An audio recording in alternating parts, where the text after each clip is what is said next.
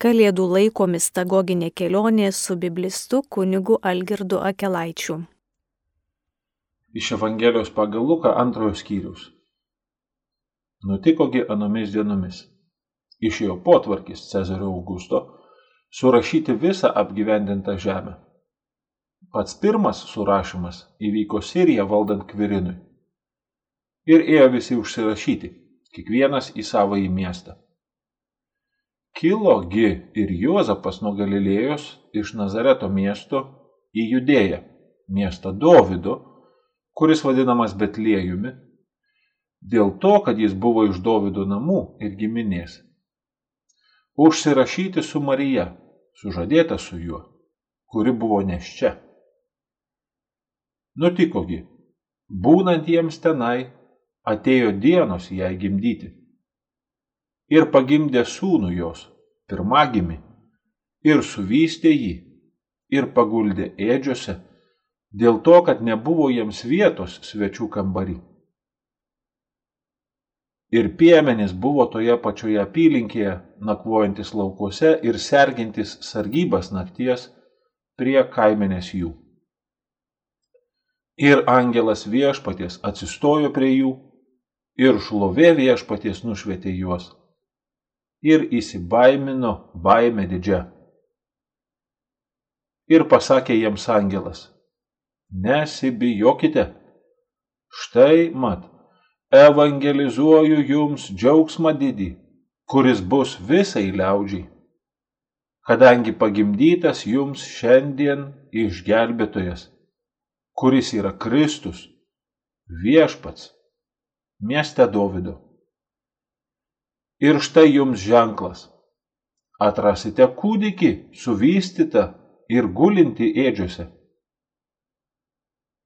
Ir staiga radosi su tuo angelu daugybė kareivijos dangiškos, liaupsinančių Dievą ir sakančių, šlovė aukštybėse Dievui ir žemėje ramybė žmonėms prie lankumo. Parinkau šitam skaitiniui būtent šią Luko Evangelijos ištrauką, šią dieną, Kalėdų dieną, leidžiama Kristaus gimimo iškilmėje rinktis vieną iš trijų tekstų. Tačiau kiti du tekstai, tiek Luko antrojo skyriaus kita ištrauka, tiek Jono Evangelijos prologas, dar bus skaitomi privalomai šituo kalėdiniu laikotarpiu. Todėl paėmiau būtent tą ištrauką, kuri nebesikartos šituo laiku, kad galėtume tarsi daugiau tų tekstų apriepti, daugiau šitų tekstų pažinti. Lukas lygina Jėzaus ir Jono gimimą visam šitam vaikystės pasakojime, pirmam ir antram Luko Evangelijos skyriui. Iš tikrųjų, tiek Jono, tiek Jėzaus gimimas rodomas kaip tam tikras pažado išsipildymas ir ypatingai, va, čia kai mes skaitom tokius semitizmus, tokius e, Senajam testamentui, hebrajų kalbai būdingus išsireiškimus, pavyzdžiui, išsipildė dienos gimdyti, netapo pilnos tos dienos, reiškia, kad jau atėjo laikas gimdyti. Tai ten labai panašus išsireiškimai, pavyzdžiui, yra vartojami Rebekos gimdyme ir mes žinom, kad Rebeka pagimdė dvynius, Ir gali būti, kad Lukas, kuris labai mėgsta šitaip imti Senojo testamento tekstus ir juos tarsi suausti, vad naudojant vieną ar kitą būdingą žodį, frazę, juos tiesiog įausti į šitą Evangelijos pasakojimą. Tai ir čia gali būti, kad e, jisai rodo e, šitos iš skirtingų motinų gimusius vaikus, Joną, kuris tapo Jonų Krikštytojų, ir Jėzų, kuris yra Kristus, kaip tam tikra prasme dvynius, kad jie yra e, va, tų senųjų Dievo tautai duotų pažadų išsipildymas, kita vertus, kad jie, kaip ir kiekvieni dviniai Biblijoje, yra labai labai skirtingi. Ir šia prasme, va, toks palyginimas, tarsi greta statymas Jono ir Jėzaus Lukui, leidžia parodyti, kiek Jėzus pranoksta Joną, kiek Jėzus yra skirtingas. Ir kartu leidžia apibriežti, kokia yra Jono misija Jėzaus atžvilgiu. Ir čia tikrai galime taip matyti, kad Jėzus vat jau šiandienos Evangelijoje, Kristaus gimimo iškilmės Evangelijoje, jis rodomas iš karto kaip Kristus, kaip Dievo pateptasis ir išrinktasis viešpats, kuriame apsireiškia va ta tokia eschatologinė, reiškia paskutinių laikų Dievo šlovė, Dievo dieviškumas yra parodomas galutiniu būdu. Ir čia labai įdomu, kad šita evangelija prasideda nuo tokios kai kuriems žmonėms netgi nuobodžios dalies, ne, kad Cezario Augusto potvarkis, surašymas gyventojų, kam to reikia, jeigu mes čia kalbam apie Dievo gimimą. E, vis dėlto tai yra labai toks būdingas Luko Evangelijos ir po to paštalų darbų, nes jis yra paštalų darbų knygos autorius, tai yra labai būdingas bruožas, kad Lukas pabrėžia, jog šitas visas Dievo išgelbėjimo planas, jisai vyksta istorijoje. Toje istorijoje, kuri labai apčiopiama ir kurią labai lengva prisiminti, kad štai to surašymo metu Bet čia atrodytų visai nepastebimai mažam miestelėje dedasi teologinė prasme didingi dalykai. Ir jam labai svarbu parodyti, kad konkrečiuose istoriniuose imperijos įvykiuose pradeda atsiskleidinėti šitas Dievo planas. Ir kita vertus, Augustas, kuris paskelbė šitą surašymą ir dėl kurio Juozapas pajudėjo iš Nazareto į Betliejų, Ir būtent dėl šito surašymo taip įvyko, kad Jėzus gimė Betliejuje ir taip išsipildė Mikėjo knygos pranašystė, apie kurią mes dar kalbėsime. Šia prasme, Cezaris Augustas evangelistui Lukui tampa Dievo įrankiu. Jis tarsi vykdydamas savo ten politinius sumanimus, jis iš tikrųjų pats to nesuprasdamas įvykdo Dievo užmojį, Dievo valios tampa bendradarbiu nes dėl to Jėzus gimsta Betliejuje ir taip išsipildo pranašo žodžiai. Tai aišku, kad e, tai yra labai tokia galinga priemonė, na, vat, Evangelijoje kartu tarsi skaitytojo provokuoti, ne, kad anuo metu imperijos kontekste niekas nesuprato, kaip čia slėpininkų būdu tie įvykiai tampa reikšmingi Evangelijos atžvilgiu. Ir lygiai taip pat ir mes e, vat, savo dabar kasdienybėje mes irgi tokie trupučiuką esame akli ir nelabai suprantam pavienių įvykių reikšmės, kur jau tik tai vėliau, jeigu kažkaip reflektuojame tos įvykius, mes matome, kiek jie buvo reikšmingi, pavyzdžiui, mūsų ten pašaukimo istorijoje arba mūsų misijos bažnyčioje atžvilgių. Ir tai aišku yra tam tikra provokacija atidumui, kad reiškia, gal aš netgi ne viską suprantu, bet ko gero Dievo akivaizdoje šitie įvykiai yra reikšmingi. Ir iš to kyla tas toks krikščioniškas, na gal net užsispyrimas, um, mėginti interpretuoti įvykius žymiai giliau ir, na, tarsi ieškoti kažkokios gilesnės reikšmės tuose įvykiuose, negu iš išorės atrodytų, kad tie įvykiai, na, yra ar, ar čia reikšmingi, ar nereikšmingi. Krikščionys jie visuomet tarsi stengiasi išvelgti kažkokią gilesnę reikšmę tuose netgi kasdieniuose įvykiuose. Ir vėl, kai mes čia ketvirtoji lūtėjai skaitome šiandien, kad kilo ir Juozapas nuo Galilėjos, tai yra ar tik ne pirmas Juozapo veiksmas iš vis visoji Luko Evangelijoje. Jeigu jūs pasižiūrėsit į pirmąjį Luko Evangelijos skyrių, jūs pamatysit, kad visas Jėzaus gimimo apreiškimas Ten pagrindinė veikėja yra Marija. Juozapas ten yra vardas. Jisai nepadaro nei vieno veiksmo. Ir čia atrodytų, kad vat, Juozapas pagaliau tarsi daro tokį vat, veiksmą, bet iš tikrųjų ir čia jis viso labo yra, sakykime, tokios vežėčios. Ne, vat, juo yra paaiškinama, kodėl šita šeimyna keliauja į Betliejų ir Juozapas vėl tarsi iš pasakojimo išnyksta. Tikrai Lukas yra Naujojo testamento mariologas iš didžiosios raidės ir šia prasme jam tikrai labai rūpi, bet tarsi per Marijos prizmę rodyti Jėzaus gimimą. Ir tikrai vat, gražu, kad Juozapui toks reveransas padarytas, bet iš tikrųjų, na, vat, Luko Evangelijoje, ypač šituose pirmosiuose skyriuose centre yra Marija. Kodėl taip yra? Na, gali būti, kad Lukas mėgina taip akcentuoti tą tėvo liniją. kad Jėzaus atžvilgių tėvas yra Dievas ir todėl Lukui labai tai yra tokios, na, geras būdas teologinis akcentuoti Mariją kaip Jėzaus motiną. Ir anaip tol tai nereiškia, kad jis čia Juozapo negerbė arba kad jis čia maždaug Juozapą e, stengiasi pastumti į šoną, bet pasakojime e, autorius turi labai atidžiai, na, tarsi tą tokį prožektorių dėmesio nukreipinėti į veikėjus, kad išlaikytų tam tikrą pusiausvyrą tiek teologinę, tiek, na, tokia svarbos paskirstimą tarp veikėjų, kad kartais po to nesigautų, kad koks nors antrailis veikėjas, Juozapas yra antrailis veikėjas, pasakojime, kad jis kartais, pavyzdžiui, neužgoštų Dievo. Ir vėl čia bažnyčia po to labai įdomi, va, pavyzdžiui, čia šiuo laiku, ne, pajutusi, kad Juozapui lygtai trūksta liturgijoje dėmesio, vat, mes net ir įtraukėme jau ir į maldos, kad kai minime Mariją, būtinai minime ir jos sužadėtinį Juozapą. Tai čia tai yra toksai, na, vad bažnyčiai jinai irgi junta, kaip pavyzdžiui liturgijoje, kiek to dėmesio yra skiriama Juozapui. Ir jeigu mato, kad jo trūksta, tada to dėmesio tarsi padaugina, minėdama O jeigu to dėmesio gautųsi per daug, tada vėl būtų negerai, nes pradėtų lūžinėti tokie svarbos ryšiai tarp veikėjų.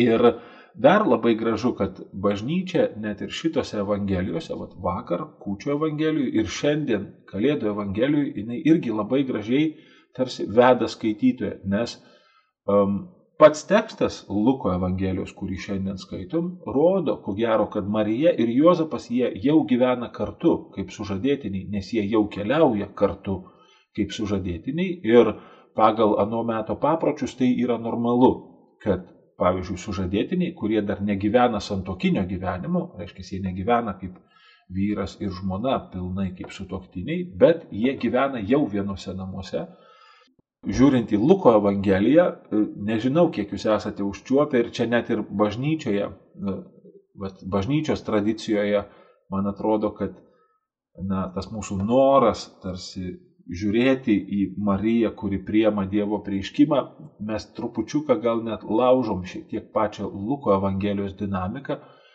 todėl kad jau net pirmam skyriui, tenai, kai angelas apreiškė Marijai, daugybė žmonių įsivaizduoja, kad na tai būtinai ten jau Marija ir pastojo. Iš tikrųjų, praleisdami tokį labai rimtą dalyką, kad pačiam tekste taip ir nėra pasakyta, kad Marija pastojo angelui atėjus pas ją. Tada vėl, vėl sakoma, kad kai Marija aplanko Elsbietą ir Elsbieta sako, palaimintas tavo iššių vaisius, tenai jau Elsbieta rodo, kad Marija yra pastojus. Bet ir vėl Čia atidumo e, pasakymas iščių vaisius Biblijoje reiškia jau gimusi vaiką. Jisai nenaudojamas yra nurodyti vaikui, kuris dar yra iščiose. Ir čia ko gero Elsbieta elgėsi kaip pranašė. Jis sako, kad gims iš tavęs vaikas, bet tai anaip tol nenurodo, kad Marija jau yra pastojusi.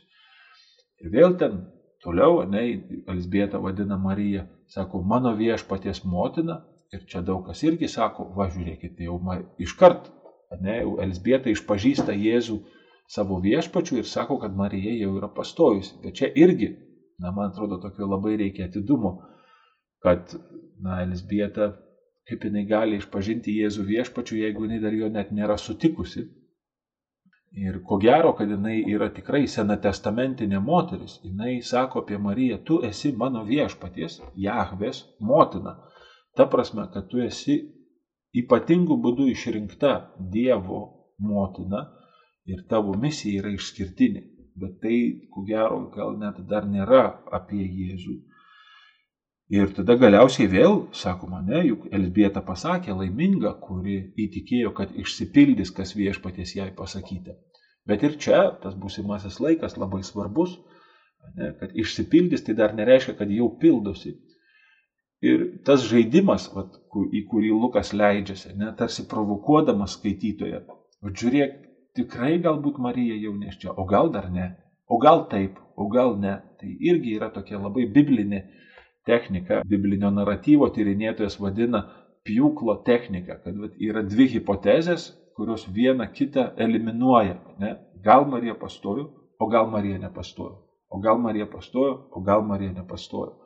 Ir tai labai tokia na, veiksminga dinamika, provokacija skaitytojui, nes tada skaitytojas yra skatinamas žengti toliau į tekstą, tarsi tyrinėti, klausti, kur jisai pagaliau išgirs pirmą akivaizdų autoriaus patvirtinimą, kad tai įvyko. Pavyzdžiui, ta užuomina, kad Marija prabuvo apie tris mėnesius pas Elsbietą ir po to sugrįžo į jos namus, nu, į savo namus. Irgi te, tokia pati frazė yra pasakyta apie Bačebą, kai vat, Dovydas su ją permėgojo ir po to Bačeba sugrįžo į jos namus, mes iš vėlesnio pasakojimo žinom, kad jinai jau išėjo tenai pastojus, jinai jau išėjo nešiodama po širdim kūdikį ir gali būti, kad Lukas irgi tokia vat, atidžiam skaitytojui tarsi duoda užuominą, bet taip tiesiogiai ir nepatvirtina. Ir iš tikrųjų Luko Evangelijoje tik čia, reiškia jau kai Marijai baiginėjasi devintas mėnuo neštumo, tik čia jisai parodo, kad Marija yra neščia. Čia mes randam pirmą akivaizdžią nuorodą autoriaus, kad Marija yra pastojusi. Ir aišku, čia tada kyla klausimas, o kam Lukui iš viso žaisti, kodėl jisai taip žaidžia su tuo, na, va, tarsi rodydamas au, kaip autorius skaitytojui, kad galbūt pastoja, o gal dar ne. Čia bent du atsakymai turbūt galėtų būti. Vienas iš jų tai, kad e, Lukas tikrai stengiasi sukelti tokį lūkestį skaitytojui, kad jau pagaliau, kai Jėzus gims ir pačiam skaitytojui tai būtų toks išsipildymo džiaugsmas a, aš taip laukiau, aš taip laukiau, mane, man tiek įtampo sukėlė šitas pasakojimas ir štai pagaliau gimė sėkmė. Ir kita vertus gali būti, kad Lukas, kuris pasižymė tokiu labai pozityviu pasakojimo tonu, ypač šituose pirmosios skyriuose, jisai vengia tos kontroversijos dėl Marijos neštumo be vyro ir visokių ten interpretacijų kudlotų, kaip čia dabar yra su tuo Marijos neštumu, jisai vengia šitos kontroversijos, kurią pavyzdžiui aprašo Matas. Ir na, kol Marija pasakojime kaip ir nėra neščia, chronologiškai jinai turbūt, kad jau yra neščia, bet pasakojime to neštumo dar nėra nurodyta, tol nereikia nagrinėti ir to neštumo problemos. Na, reiškia, galima ir toliau pozityviai vat, kalbėti labai skelbiant tokią tikrai džiugę naujieną apie Dievo pažadų išsipildymą. Ir Lukas tikrai jisai vat, yra meistras šitokių pasakojimo technikų ir tiesiog labai gražu žiūrėti, kaip tai mums net ir teologiškai padeda dalyvauti šituose įvykiuose, nes ypatingai ten pirmosios skyriuose, tai mesgi suprantam, kad pirmosiomis dienomis, ten, sakykime, pirmą mėnesį, net ir pati Marija nežinojo, ar išsipildė viešpaties pažadas duotas per angelą. Tik tuo met, kai jau jai nutrūko menstruacijos, jinai žinojo, kad taip vyksta šitas Dievo pažadas. Bet va ten skaitytojas turbūt labai panašiai, tuose pirmosiuose tekstuose, jisai panašiai kaip Marija. Jis arba priema tikėjimu šitą dalyką, kai dar nėra jokių ten išorinių ženklų, arba ne. Ir šia prasme skaitytojas tikrai gali būti kaip va, tarsi Marijos vietoj, klausdamas, nerimaudamas dėl to, ar Dievo žodis yra tikras, o po to Lukas, kaip toks džentelmenas, jis jau pridengė Mariją nuo skaitytojo, sakydamas, tu čia nelys, čia vyksta slėpinys. Hmm? E, vėlgi šito Evangelijoje labai gražu, kai Lukas pasako, kad Juozapas kilo nuo Galilėjos į judėją, į miestą Dovido, kuris vadinamas Betlėjum. Čia yra keli netitikimai. Šiaip jau Biblijoje Dovido miestas yra Jeruzalė. Betliejus yra miestas, kuriame gimė Dovydas, bet jisai nevadinamas Dovido miestu. Dovido miestas yra Jeruzalė. Ir vėlgi tas veiksmas, kad Juozapas kilo nuo Galilėjos. Tai va tas kilimas, tai yra visuomet Biblijoje sutartinis toks veiksmas, kai žmogus pajuda link Jeruzalės. Kai žmogus juda link Jeruzalės, jisai visuomet kyla, kai jau žmogus pajuda iš Jeruzalės kur nors kitur, tada jisai visuomet leidžiasi. O čia Lukas tarsi supina, ne, jisai naudoja Jeruzalės žodyną, at, sostinės, tarsi centro, ir rodo kaip šitą sostinę, kaip šitą teologinį centrą, vis tik tai Betliejų. Ko gero, mėgindamas tai pabrėžti Mikėjo pranašystės, Mikėjo knygos penktojo skyriaus tą pažadą, ne, kad tu, Betlėjau, nesi mažiausias tarp judo miestų, nes iš tavęs išeis valdovas. Hmm?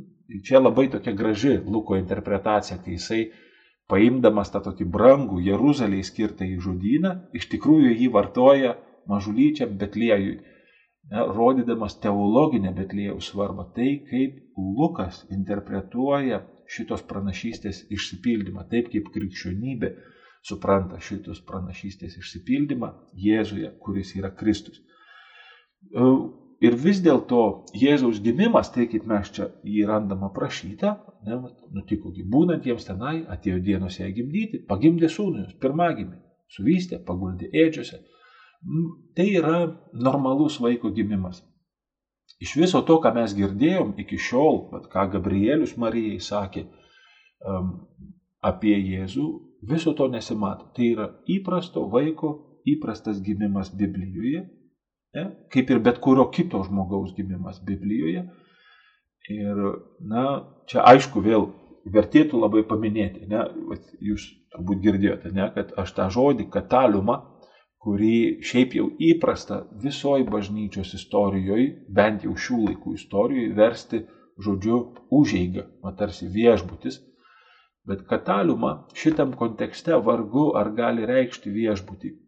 Nors me, kad artimuosiuose rytuose yra visiškai nesuvokiamas dalykas, kad kas nors paliktų neščią moterį už durų naktį. Tai yra visiškai, visiškai svetima ano krašto mentalitetui. Vat vakarų Europoje, tai taip, aš sutinku, kad neščią moterį gali kas nors naktį išvaryti už durų, jeigu ten nėra vietos. Artimuosiuose rytuose greičiau jau patys šeimininkai išsikraustys kur nors, nežinau, į tvartą, dar kažkur tai, bet ten nepriimti svečio yra be galo rimtas nusižengimas tokiems labai arhaiškiams papročiams, kurie susiję su gyvybės išsaugojimu. Nes ten yra labai aišku, kad jeigu tu žmogų paliksi, na, va, ne, neapkabintą dėmesio, tas žmogus gali tiesiog mirti, jam tai gali būti paskutinė naktis. Ir tai labai giliai yra įsirėžę į anų tautų papročius. Yra daugybė net ir šiandien tokių vat, pavyzdžių. Aš tai atsimenu vat, iš mūsų šeimos tokį įvykį, kai mes Tadžikijoje keliaudami, na, irgi ten neteisingai paskaičiavom maršrutą ir galiausiai, na, va, teko prašytis nakvynės tokiui mokytojų šeimynui. Ir kaip tie mokytojai, vyras buvo ten mokytojas, žodžiu, kas ta žmona buvo, nežinau, namų šeimininkė.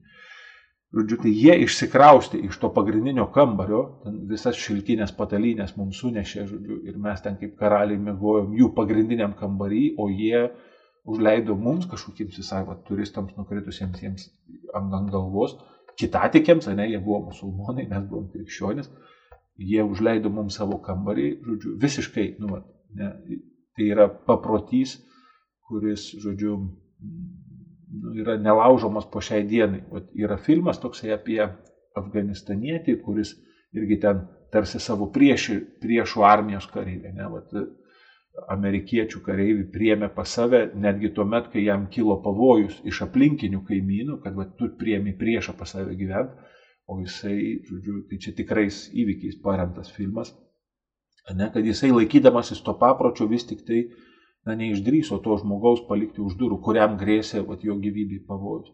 Tai čia yra visiškai nesuvokiama, kad Marija, taip kaip mes dabar vakaruose, vat, mėgstame interpretuoti, ne, kad jiems ten teko kažkur keliauti į tvartą, ne, gimdyti to vaiko, tai čia yra visiškai nesuvokiama pagal ano meto kultūrą.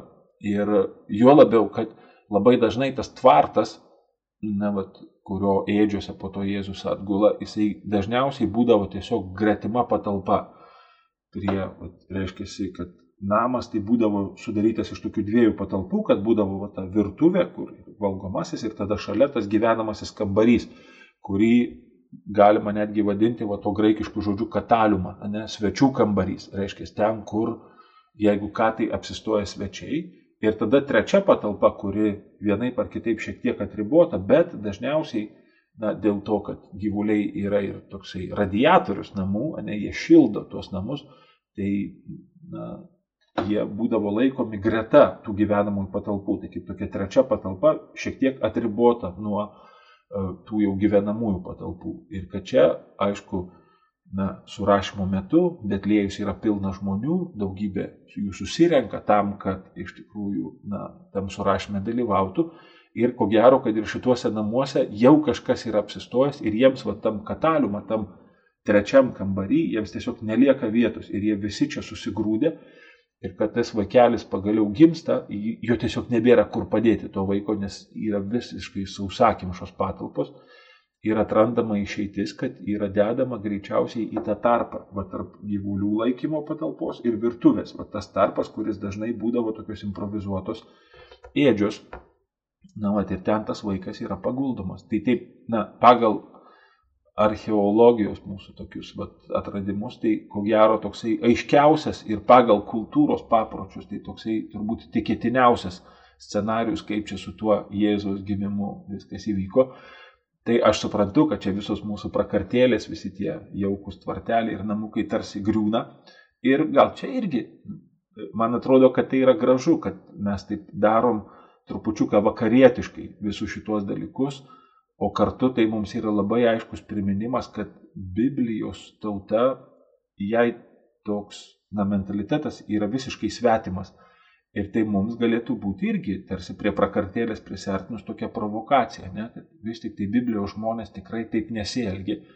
Ir mes tarsi prakartėlę rodome patys savo, na, kad taip, mūsų kultūra yra susvetimėjus, bet mes esam pašaukti būti bibliniais žmonėmis Ir šią prasme, na, va, mūsų prakartėlė tai yra tie mūsų gyvenamieji kambariai.